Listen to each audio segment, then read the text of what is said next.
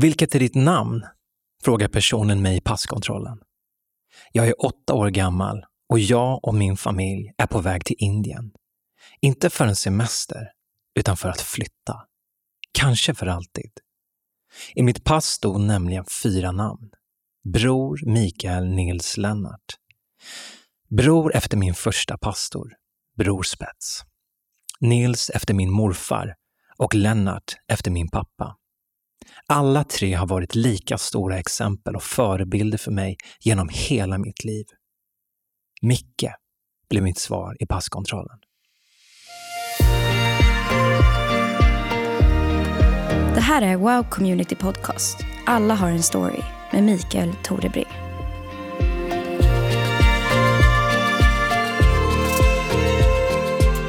Den enda associationen jag hade haft med Indien var en singel med artisten Dr Bombay och med hitten SOS, The Tiger Took My Family, som jag brukade spela på repeat. Vi var på väg till New Delhi och jag satte mig i en flygstol för första gången, spänd för allt som väntade.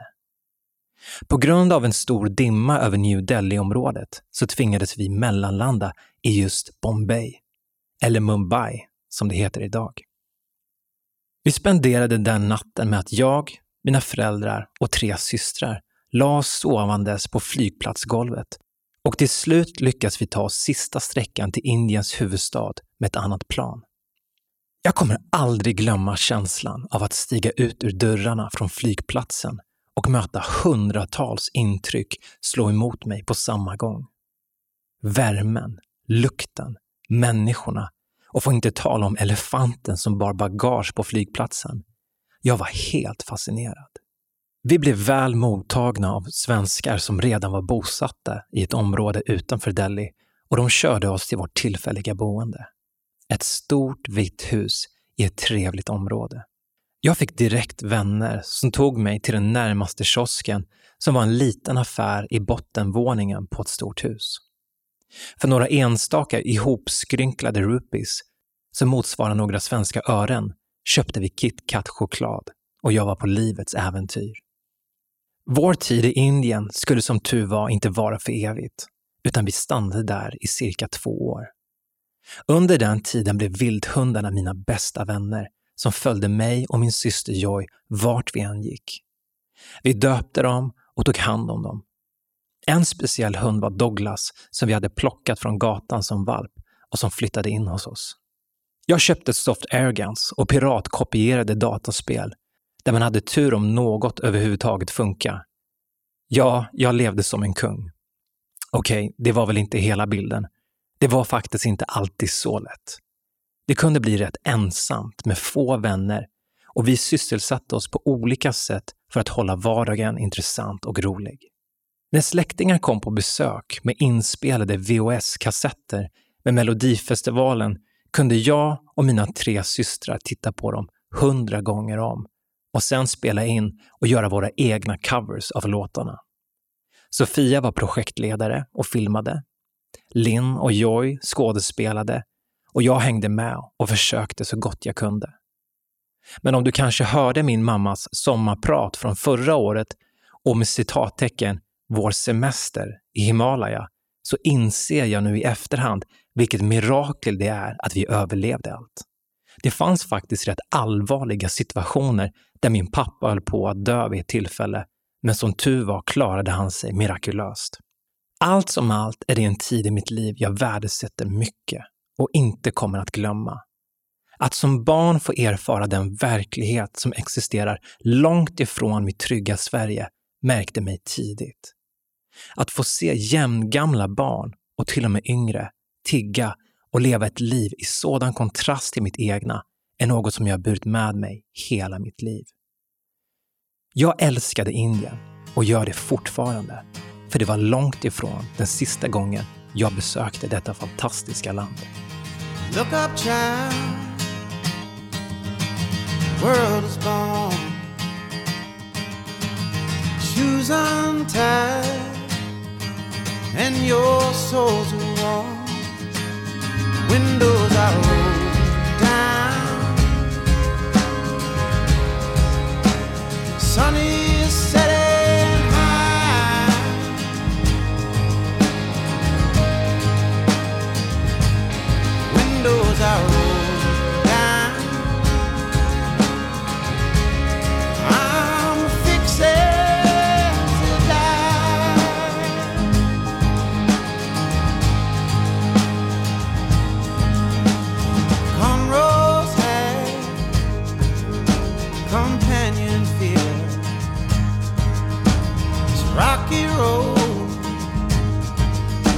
and their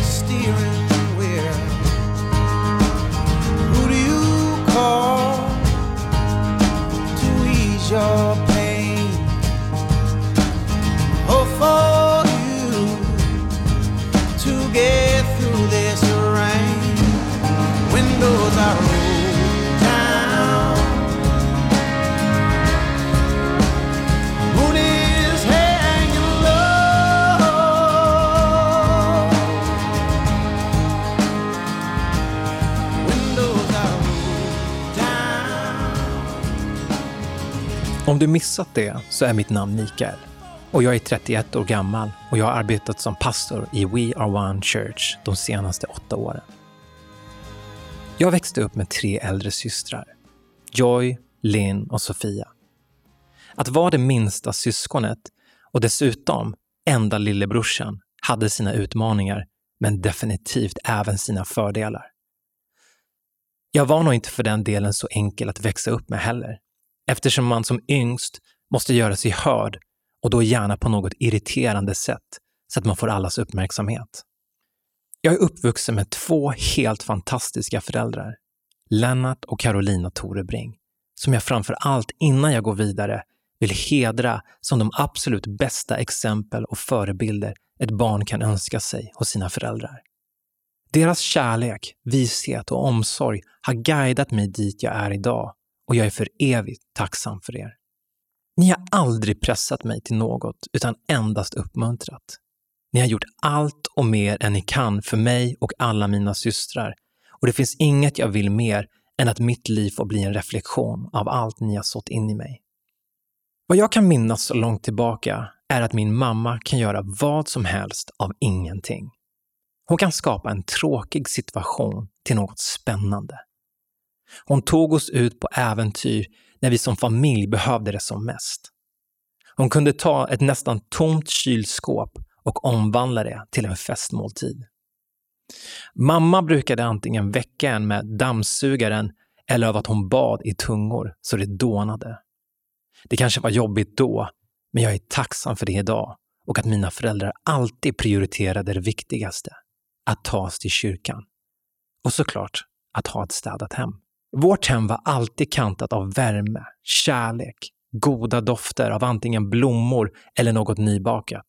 Deras enorma hjärta gick inte bara ut till oss barn, utan under flera tider och säsonger öppnade mina föräldrar upp för att vara ett familjehem för utsatta barn som behövde komma bort på helgerna.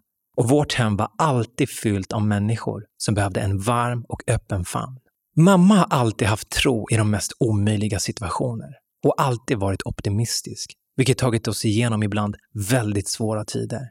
Och det som har karaktäriserat min pappa genom hela mitt liv och som märkt mig är inte framförallt vad han har sagt, utan hur han har levt. Min pappa är en förvaltare ut i fingerspetsarna.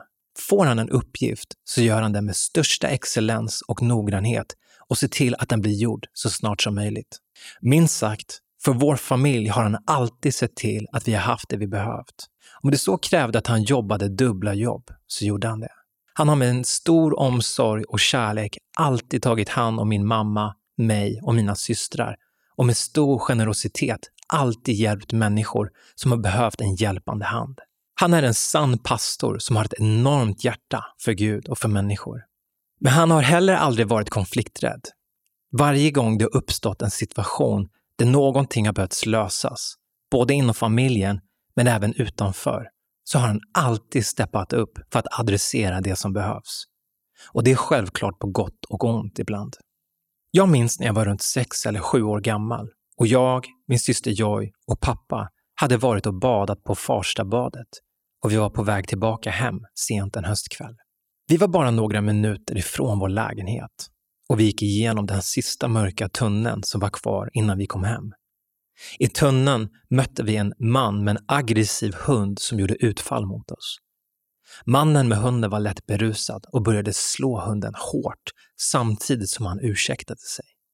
Min pappas respons blir, det är inte hunden det är fel på, det är dig det är fel på. Detta får mannen att med raseri ge min pappa en spark rakt i magen. Jag ser min pappa vrida sig av smärta och han tappar sina glasögon som hamnar mitt bland alla löv på marken. Jag och min syster blir såklart livrädda. Mannen som inser vad han precis gjort börjar be om förlåtelse och försöker hjälpa min pappa. Och jag minns bara att jag springer ensam hem, allt vad jag kan. Till min pappas försvar så var det här länge sedan och även om det inte var den bästa lösningen på problemet så är jag tacksam att jag lärt mig att inte vara tyst när jag ser något jag inte tycker är okej okay, eller inte håller med om. Men är det något som kännetecknar mina föräldrar så är det att de är passionerade i det de gör. För det har de verkligen varit genom hela mitt liv. Det är kanske därför vi har flyttat så många gånger under min uppväxt. För om du skulle fråga mig vart jag kommer ifrån så är det inte en så enkel fråga att svara på när man har flyttat 16 gånger i sitt liv. Både mellan städer och länder, men framför allt inom Stockholm. Det är något jag både har älskat, men även utmanat mig. Att ständigt få se något nytt. Och i och med alla flyttar innebar det jämt och ständigt ett nytt sammanhang att komma in i.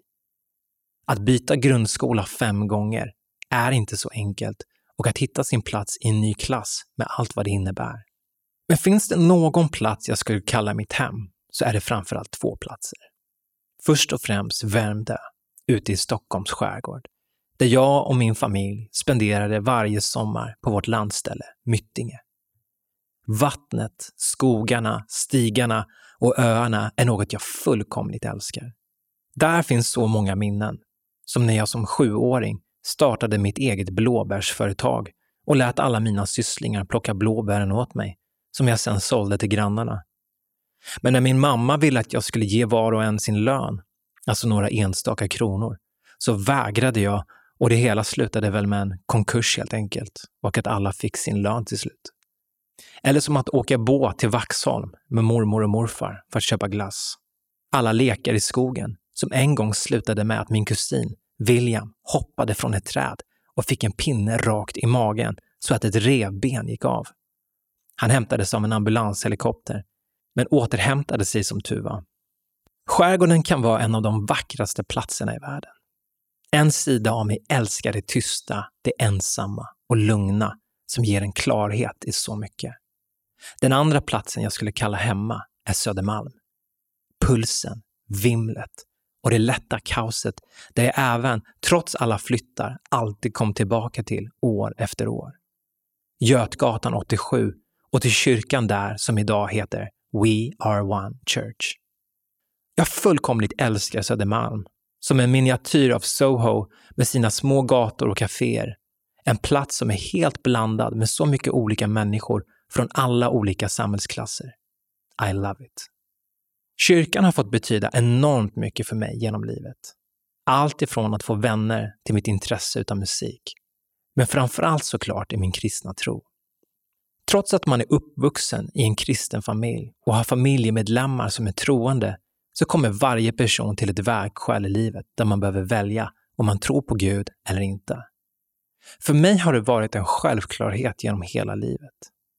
Jag kan minnas att jag från fem års ålder för första gången kände Guds närvaro. Genom hela mitt liv har jag sedan vid olika och specifika tillfällen verkligen fått möta hans kärlek och omsorg om mig på ett helt obeskrivligt sätt. Jag skulle aldrig kunna förneka Guds existens efter allt jag själv sett och upplevt. Men också när man ser hur perfekt och vackert allt skapat är. Som C.S. Lewis en gång sa, jag tror på kristendomen på samma sätt som jag tror att solen har stigit upp. Inte bara för att jag ser den, utan på grund av den så ser jag allting annat.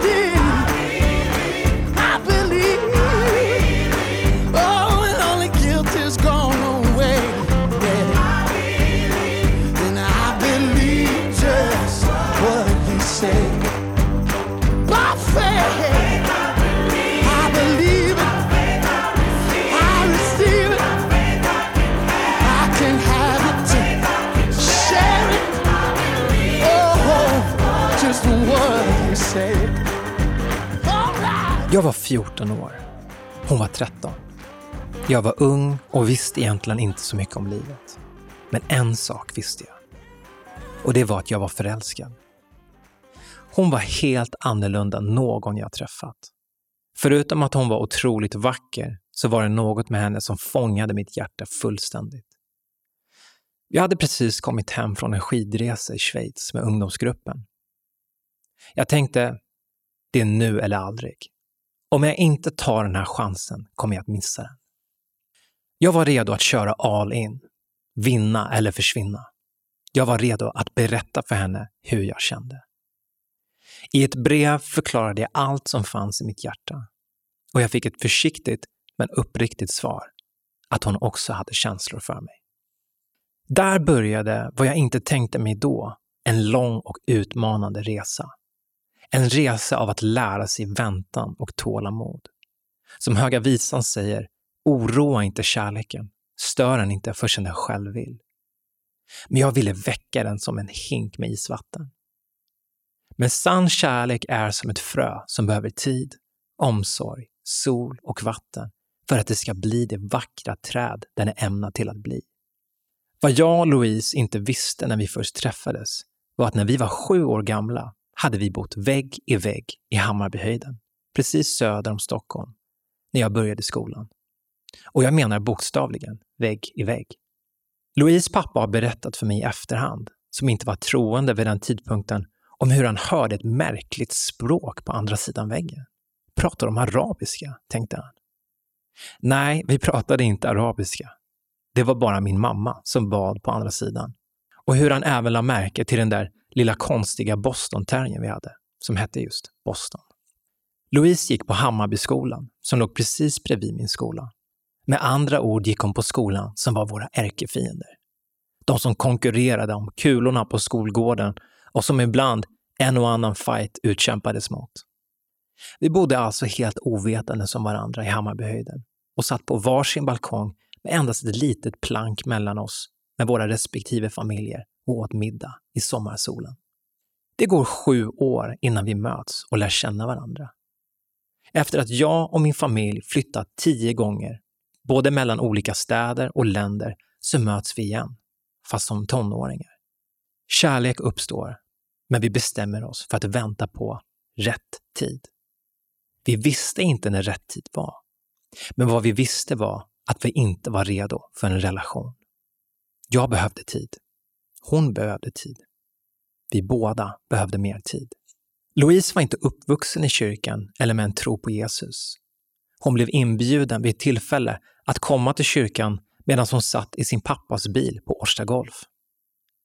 In genom fönstret hade en lång person med ett brett leende som hette Anders Svärd bjudit in henne att komma till kyrkan. Tack vare den enkla inbjudan kom Louise den fredagen och tog emot Jesus. Jag är evigt tacksam till Anders, som tyvärr inte finns kvar hos oss längre, men för alltid i våra hjärtan. Du kommer även kunna lyssna till hans mamma, Anna-Stina Svärds sommarprat om du inte redan gjort det den här sommaren. Jag var rastlös, jag var ivrig. Jag ville verkligen lära känna henne mer. Men vi bestämde att vi skulle ta det långsamt och ta allt i lugn och ro. Tiden gick och väntan kändes outhärdlig. Jag ville att det där fröet skulle spricka upp ur marken och bli det jag ville att det skulle bli så snart som möjligt. Men det var inte redo. Under all den här tiden hade inte jag berättat för en enda själ vad jag kände eller gick igenom. Vid en tidpunkt åkte vi på en resa med ungdomsgruppen, den här gången till London. Jag hade en sån förväntan för att Louise var med på den här resan. Jag skulle äntligen kunna få lite mer tid med henne. Vi var på en kristen konferens och det var många med på resan. Men det blev inte riktigt som jag hade tänkt mig. Snarare helt tvärtom. En av kvällarna stannade jag kvar på vandrarhemmet vi bodde på, för jag var helt knäckt. Jag gick ensam ut på Londons gator sent på kvällen för att försöka tänka på något annat. Och jag ringde hem till mina föräldrar och berättade för första gången om min kärlek till Louise. Jag hade på något sätt kommit till slutet av mig själv i den här situationen och relationen jag befann mig i. Jag kände mig precis som Bibeln beskriver, som fröet som faller ner i jorden och dör. Från den stunden var det som en reset i mitt liv. Gud tog mig till en plats i mitt liv där jag behövde inse att han behövde vara det viktigaste och komma före allt annat. Lite senare så bestämde mina föräldrar att vår familj skulle åka till Bogotá, Colombia, till en av Sydamerikas största och mest snabbväxande kyrkor, MCI, Mission Charismatica International. Jag var nu 16 år gammal och det var min första resa dit. Det var en mäktig syn och upplevelse att vara tillsammans med tiotusentals människor som samlats från hela världen för att tillbe Gud. Den här resan skulle komma att förändra mitt liv. Inte i första hand på grund av något möte, predikan eller intryck av allt fantastiskt jag såg. Jag minns att sista kvällen på den resan så hade vi en avslutning och flera fick dela sina upplevelser av allt de varit med om. Innan alla skildes åt och vi skulle ta farväl av flera som vi lärt känna i församlingen så fick jag en kram av en person som gjorde att allt inom mig brast och jag kunde inte sluta gråta. Och när vi sen reste hem och kom tillbaka till Sverige så upplevde jag en frihet och glädje jag aldrig någonsin upplevt i mitt liv och som jag inte trodde var möjlig. Det var som att alla mina tyngder och bördor jag burit på från olika erfarenheter i livet lyftes ifrån mig. Jag visste inte hur det hade gått till, men jag visste att det bara fanns ett svar. Och det var Gud. Ibland tror vi att Gud bara möter oss i det stora, men jag insåg att han kan verka genom allt, till och med något som en liten kram. Det kan låta främmande att höra något sånt här, men förändringen i mitt liv var så pass stor att jag kan inte förneka att Gud verkligen gjorde det. För mig blev det pusselbiten som saknats i mitt liv. Det jag förstod var att Gud behövde ha den första och den största platsen i mitt liv. Det var en game changer som förändrade allt. Det ledde till att jag detta ledde till att jag, ett år senare och efter två år av väntan från det att jag skrev mitt lilla brev, så visste jag, men även Louise, att nu var det rätt tid. Ett år senare, 2009, förlovade vi oss på Miami Beach i Florida och den 12 juni 2010 gifte vi oss bara 18 och 19 år gamla i Ekerö kyrka utanför Stockholm. Detta var bara tre dagar efter att Louise tagit sin student. Kärleken är värd att kämpa för, att hoppas på och vänta in. Det största vatten kan ej släcka den. Strömmar kan ej dränka den, som det står i Höga Visan kapitel 8 och vers 7. Men störst av allt är den otroliga kärlek och tålamod vår älskade Fader har för dig och mig genom hela våra liv. I år firade jag och Louise 12 år som gifta och har tre fantastiska barn. Aron, Joel och Lionel Judah. Tack att du valde mitt lilla 14-åriga jag. Tack att du vågade tro på kärleken. Jag älskar dig Louise, mer än själva livet. Och utan dig hade jag inte varit den jag är idag. Aldrig hade jag trott att flickan på min gata skulle bli min.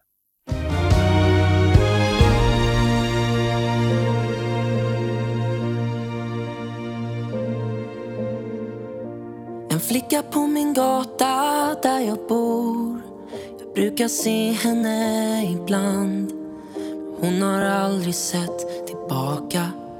Någon dag ska jag ta mig mod. Då ska jag fråga om ditt namn. Och jag ska ta dig med till sjön som ligger här bredvid. Och varsamt ta din hand i min. Flicka på min gata tänder ljus i sitt fönster varje kväll. Hon kan sitta där i timmar. Hon ler åt nåt ibland men aldrig åt mitt håll. Om jag inte tar mig mod så får jag aldrig ta din hand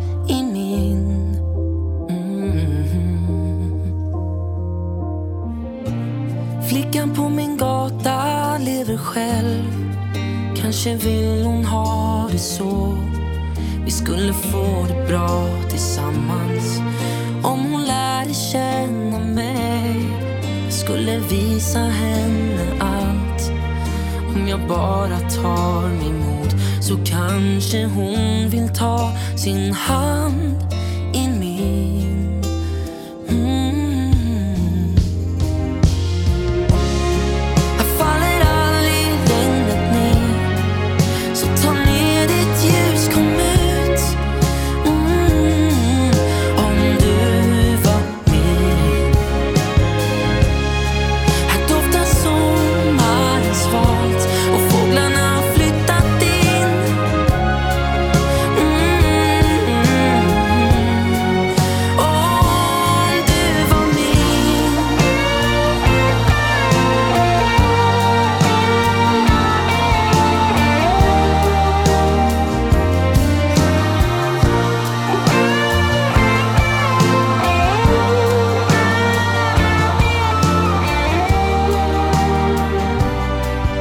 jag heller aldrig någonsin hade kunnat tro var att bara två månader efter vårt bröllop skulle jag möta den absolut värsta dagen i mitt liv.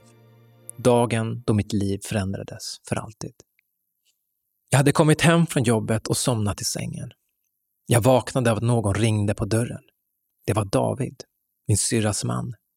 De bodde grannar med oss bara en dörr bort.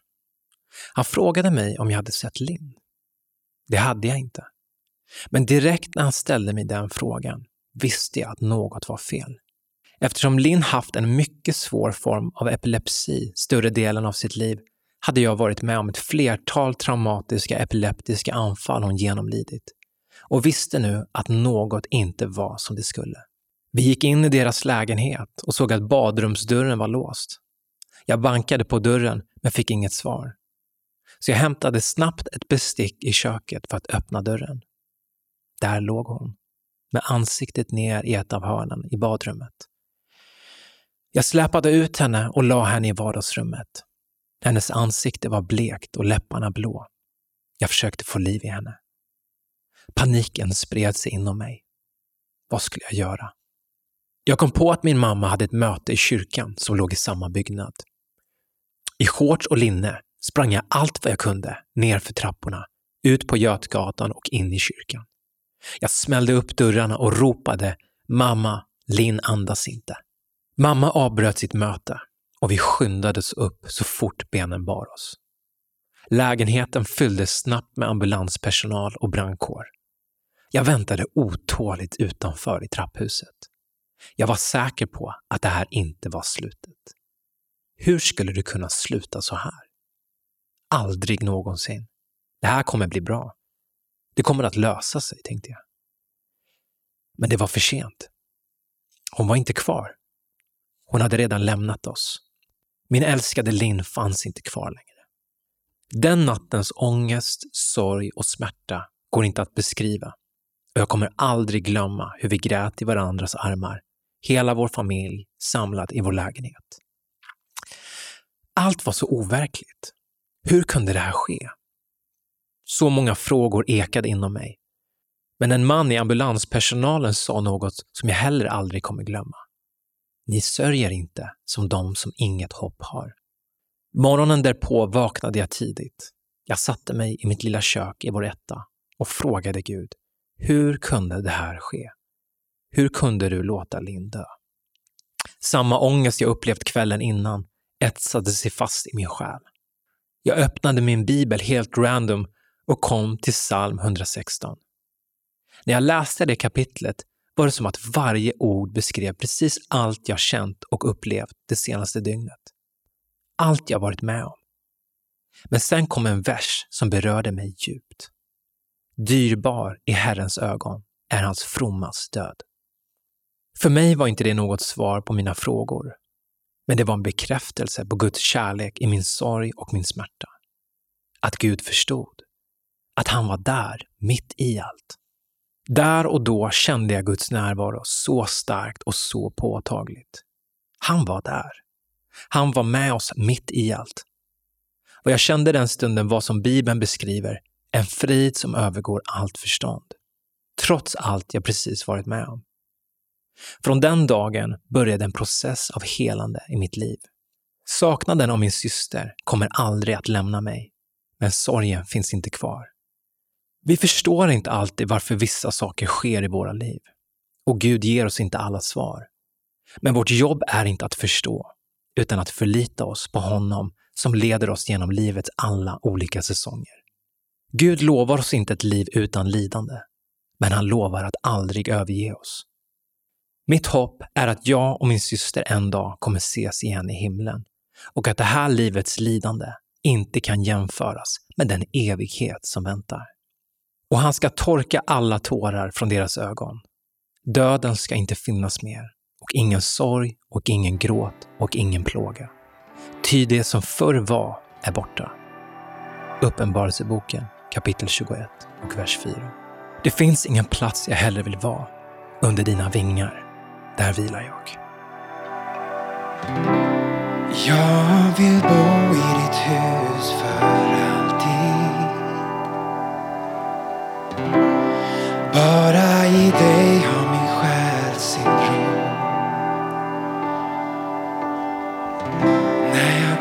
Genom dödsskuggans dal så är du med mig, jag fruktar ej.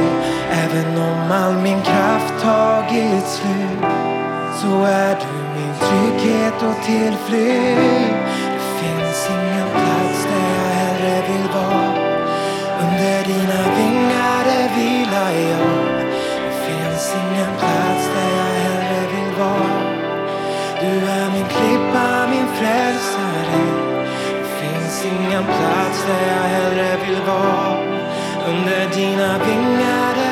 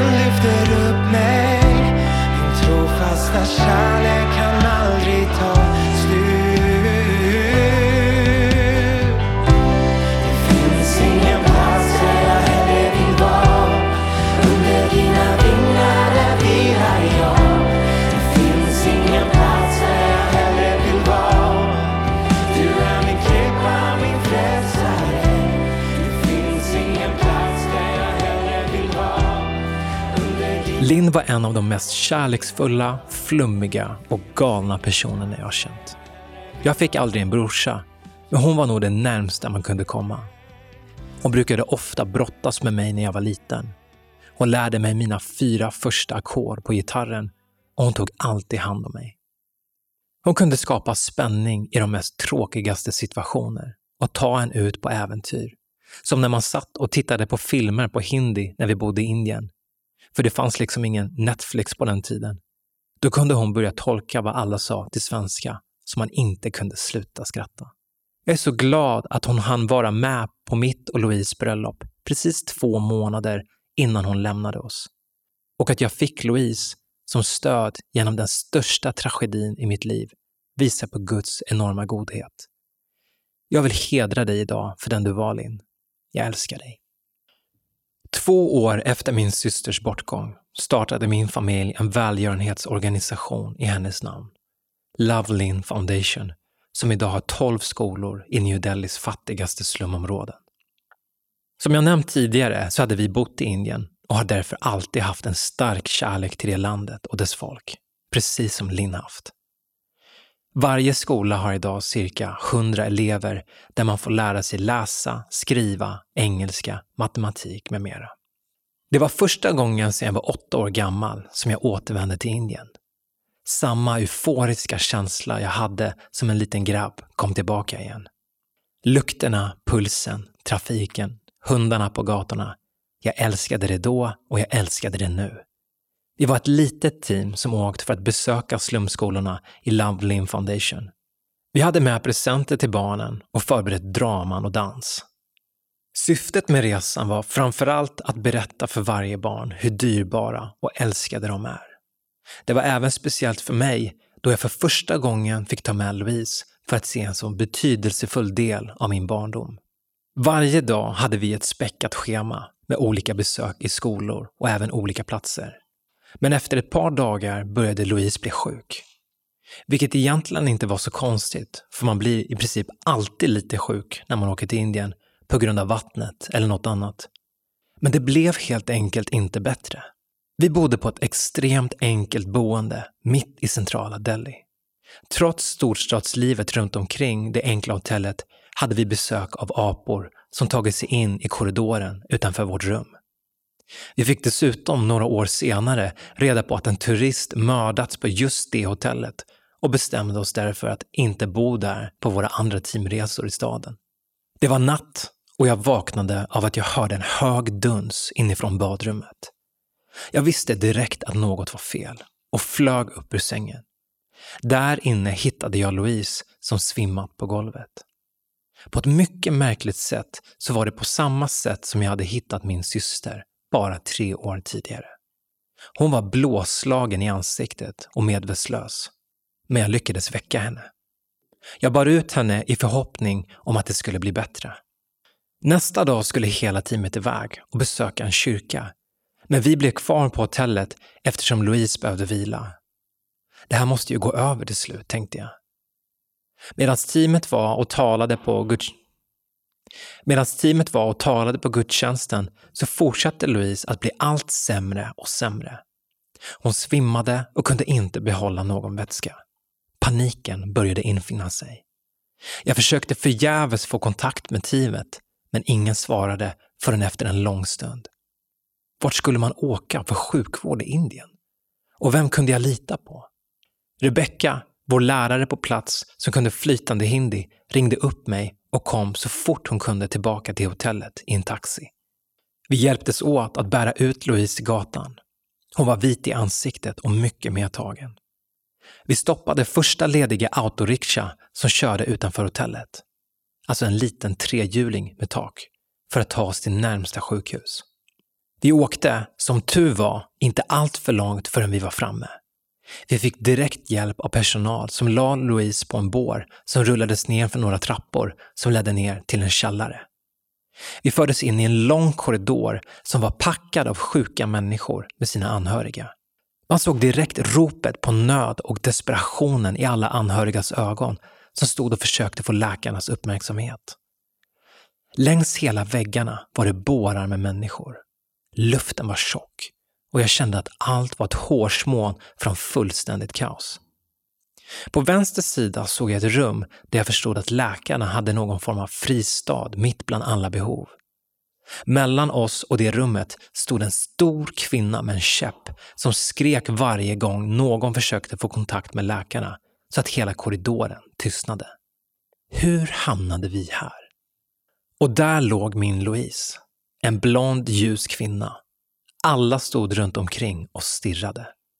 En mer surrealistisk känsla får man leta efter.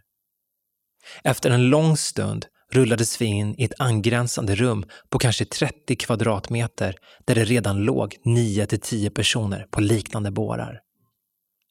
På golvet låg stora pölar med blod som sköterskan sprutat ut från droppen som Louise precis ska få. Golven var i princip svarta av all smuts. Närmsta toalett låg tre korridorer bort med en hiss upp till nästa våning och på vägen dit kunde man passera ett rum där hela taket rasat in och det var grus i hela dörröppningen. När vi befann oss i rummet med alla sjuka rullades plötsligt en bår in med en sjuk man. Runt omkring honom befann sig hysteriska familjemedlemmar. Snart kom en läkare in och försökte öppna hans käke som var helt låst, men han lyckades inte. Mannen dör där på platsen, mitt i rummet, och familjen skriker i tröstlös smärta. Min mamma som nu kommit in i rummet försökte göra allt hon kan för att trösta dem. Smärtan känns allt väl igen. Louise ligger fortfarande medtagen och kan inte behålla någon vätska. Till slut kom en läkare med som professionalitet och lugn och talade flytande engelska. De undersökte henne och gav mig flera olika recept för en massa olika tabletter som jag skulle köpa ut vid närmsta apotek. Ett dygn kändes som en vecka och efter en lång tid började medicinen verka. Situationen började vända sakta men säkert och Louise började så småningom komma tillbaka till sitt vanliga jag. Vad är det egentligen vi har varit med om? Frågade vi oss, tacksamma över att hon hade överlevt. Det ironiska var att det här var min födelsedag, den 9 november.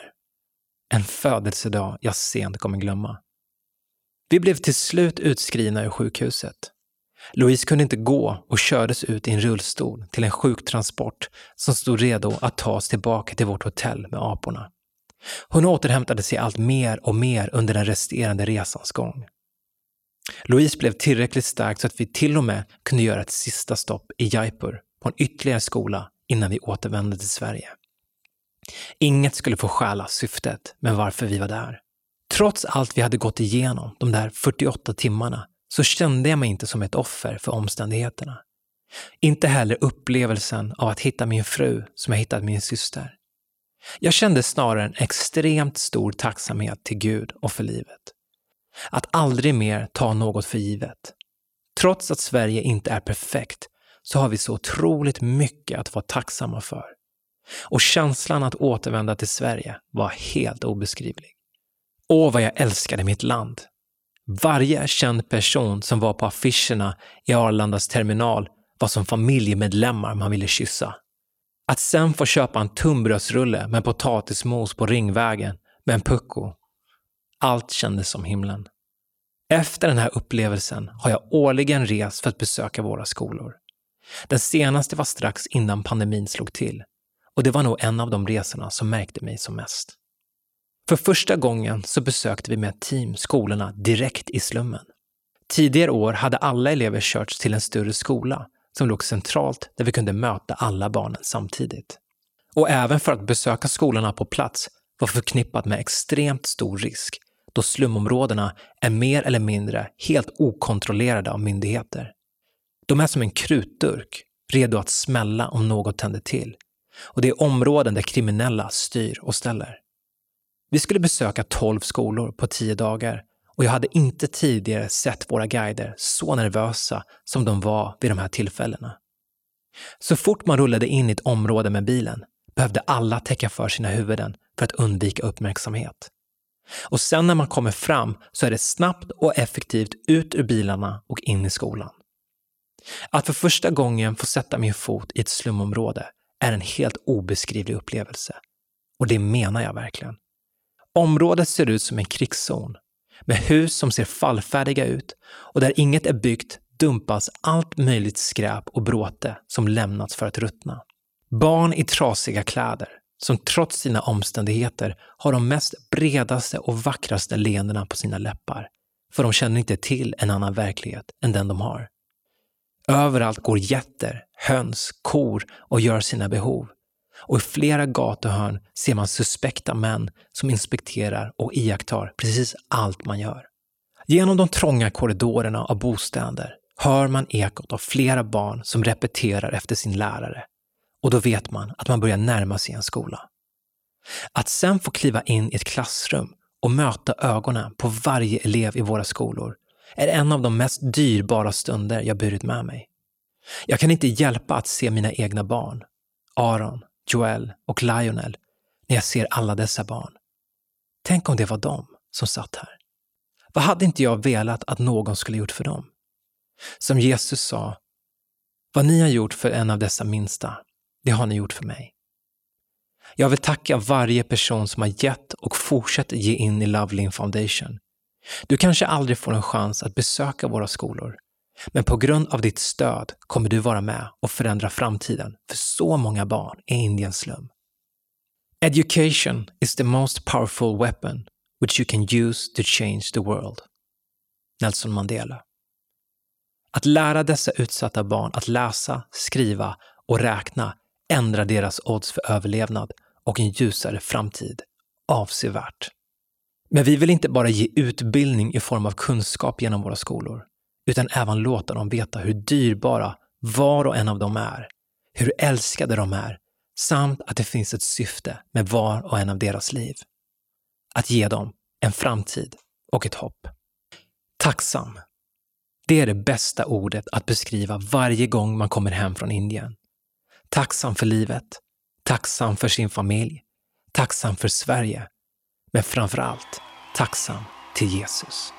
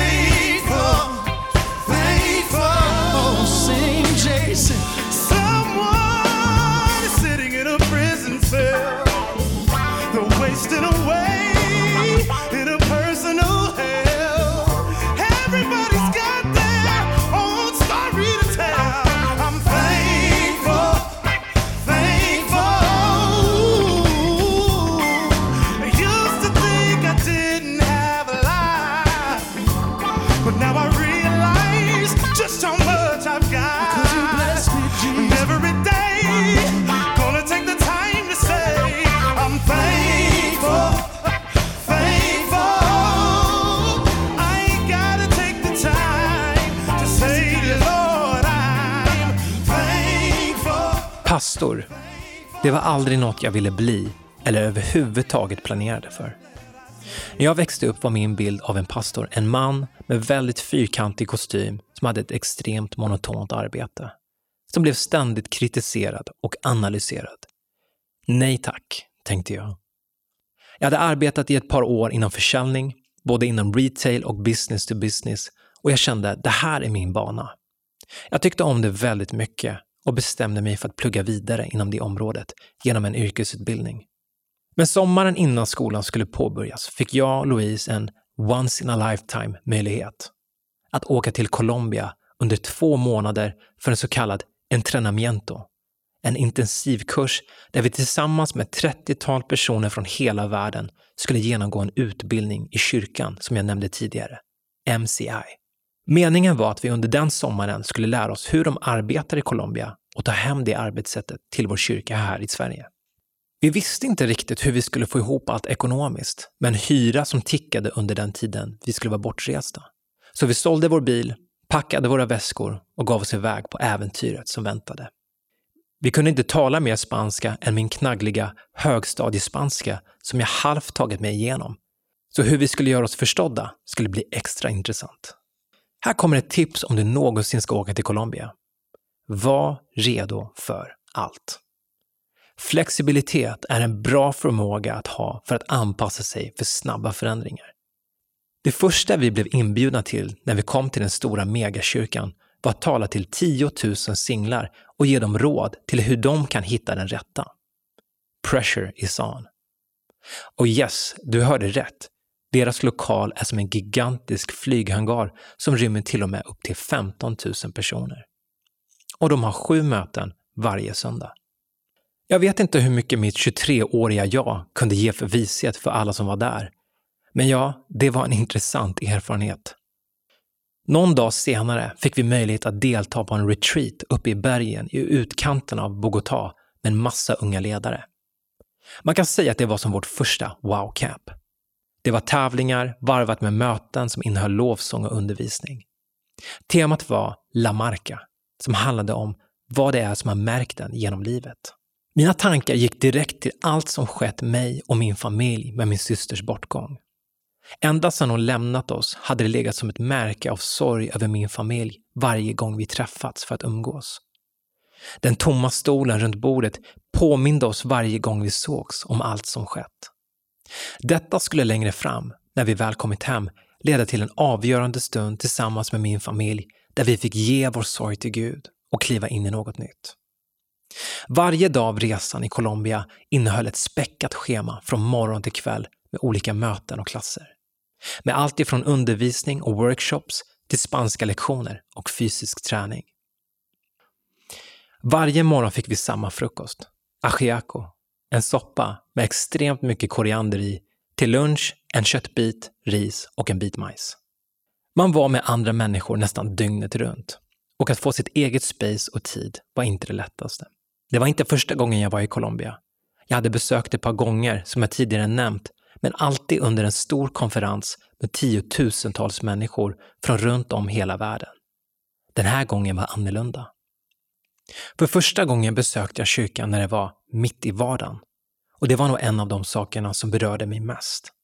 Vi besökte personer som kunde vara ledare för tusentals personer, men som bodde i de mest enkla förhållanden. Bogotá, som innehåller lika många invånare som finns i hela Sverige, är inte en liten stad.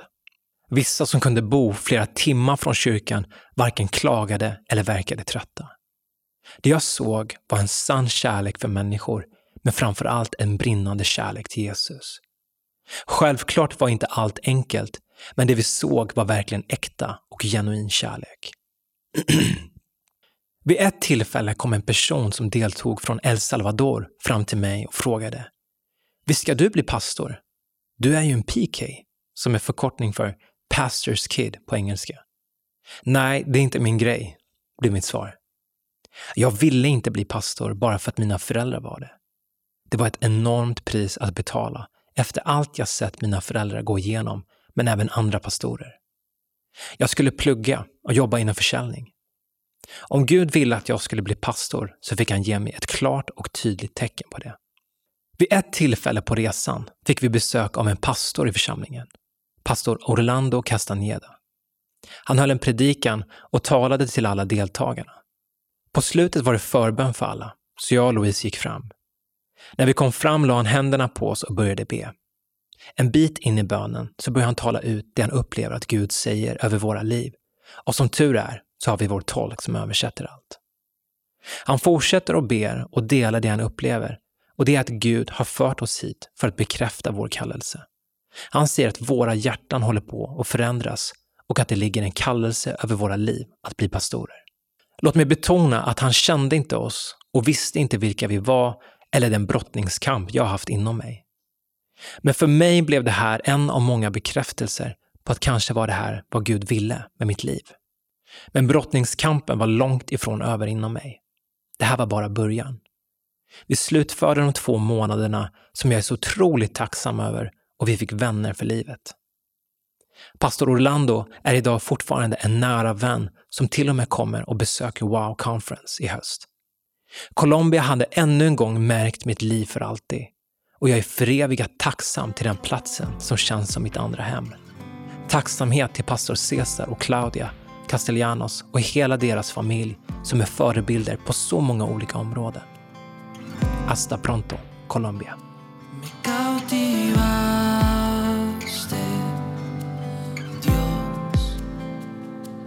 Con tu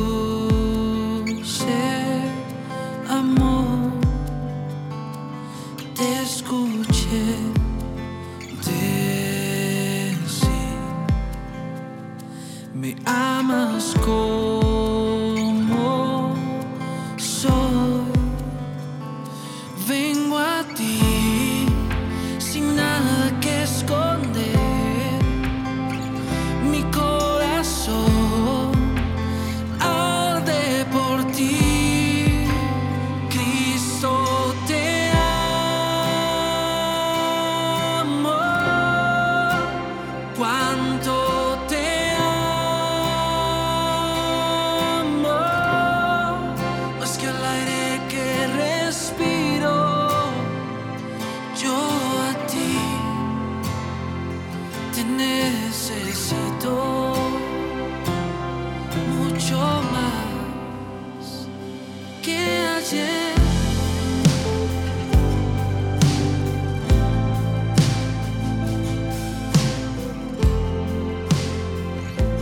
När den resan var slut så började en annan resa inom mig. Jag ville verkligen inte stå och tala inför människor. och jag ville inte synas och höras. Mycket hellre vara i bakgrunden och hjälpa till med allt annat som behövdes hjälp med. Jag hade haft en grupp killar som jag varit ledare för ända sedan jag var 17 år. Men det här var något annat och större och mer skräckinjagande. Men det var som Gud sa till mig, att släppa kontrollen. Att sluta se på mina svagheter eller se på mina styrkor och istället se på honom. Nu lever inte längre jag, utan Kristus lever i mig, som Paulus skriver i Galaterbrevet. Den versen blev så mycket verkligare än någonsin. Jag beslutade mig dock för att fullfölja mina studier på Sälj och marknadshögskolan. Mot slutet av den tvååriga utbildningen hade vi nio månaders praktik och jag valde att lägga all den tiden in i församlingen. En praktik som annars hade gett mig ett garanterat jobb och arbetserfarenhet blev en investering i församlingen där jag hjälpte till med det som behövdes. Och jag började ta steg av tro i den riktning jag upplevde Gud kallade mig till. 2014, på vår första ungdomskonferens, blev jag och Louise avskilda till ungdomspastorer och en ny resa påbörjades. Jag är otroligt tacksam för alla som har gått före oss. Min första ungdomspastor Marcus Strömberg, Emanuel Setson och speciellt min syster Sofia och hennes man Daniel som utmanat och trott på oss alla åren fram till den stunden och som idag är mina absolut närmsta vänner. Det som var mycket speciellt inför att vi skulle kliva in i den här nya säsongen var att jag och min syster Sofia, utan att vi överhuvudtaget pratats vid, fick exakt samma bibelställen inför den här överföringen. Josua kapitel 1 och psalm kapitel 1. Vad var oddsen för det? För mig var det ännu en bekräftelse att det var rätt tid. Inspirerade av Colombias ungdomsarbete, Somos Uno, som betyder Vi är ett, bestämde vi oss för att byta namn på vårt ungdomsarbete till We are one, utifrån Johannes kapitel 17, där Jesus just ber att vi ska vara ett. Under alla dessa år har så mycket hänt. Personer har kommit som har lämnat kriminalitet och annat för att ge sitt liv till Gud. Ett exempel är en kille som var dömd för bedrägeri men som i höst kandiderar till riksdagen. Paulus Abraham. Du kan lyssna på hans sommarprat om du inte redan gjort det. Men även Isak Abraham, Kalle Lundell, som delade sina berättelser förra året precis som jag just nu gör.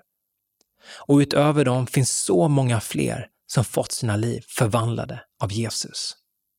Idag medan jag delar det här så står vi precis inför att för första gången efter två år av pandemi få träffas igen på vad som i år heter Wow Camp och Wow Festival, där vi i år samlar över 560 barn, tonåringar och unga vuxna från Stockholm, Malmö, Göteborg och flera platser runt om i Sverige för ett syfte. Jesus. Och det här är bara början. Det finns så mycket mer jag längtar efter att se. Min bild av vad en pastor var har fullständigt förändrats från vad den var. Idag ser jag det som det absolut största privilegiet att få förtroendet att arbeta i församlingen och få tjäna Gud och betjäna människor. Jag älskar min kyrka och hur vi, trots alla våra olikheter och bakgrunder, kan vara ett i Kristus. Den kärleken jag och min familj får möta av församlingen är många gånger överväldigande och berör mig djupt. Det vill jag verkligen uttrycka min tacksamhet för. Och min resa är långt ifrån över. Jag lär mig något nytt varje dag. Och ju mer jag lär mig, desto mer inser jag hur lite jag faktiskt vet och hur otroligt beroende jag är utav Gud. Vad jag vill berätta med min resa är inte det jag själv uppnått, utan hur Gud kan använda precis vem som helst som vågar ge sitt ja. Ha en hård panna, men ett mjukt hjärta, har min mamma sagt till mig ända sedan jag var liten.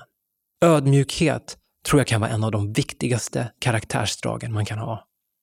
Och om du inte är ödmjuk så kommer du garanterat bli det av livet förr eller senare. Inte minst när du får barn, som kanske är just den mest utmanande roll man kan anta. Att bli förälder. Såklart också det mest fantastiska. Att hålla sitt barn för första gången så skapas ett band av obeskrivlig kärlek. Jag har nog aldrig lärt mig mer om Gud än genom mina barn. Alla mina tre barn gensvarar helt olika i hur de vill ha min kärlek. En vill ha min tid, en annan en kram och en annan mina ord. Precis så är det med oss och Gud. Han talar till oss helt olika utifrån de vi är skapta till att vara. Och på samma sätt kommer allas våra stories se helt olika ut. Därför ska vi aldrig jämföra oss med varandra. För att förändra världen runt omkring dig så behöver du inte vara bäst i världen, utan sträva efter att vara den bästa versionen utav dig själv och att bli mer lik Jesus.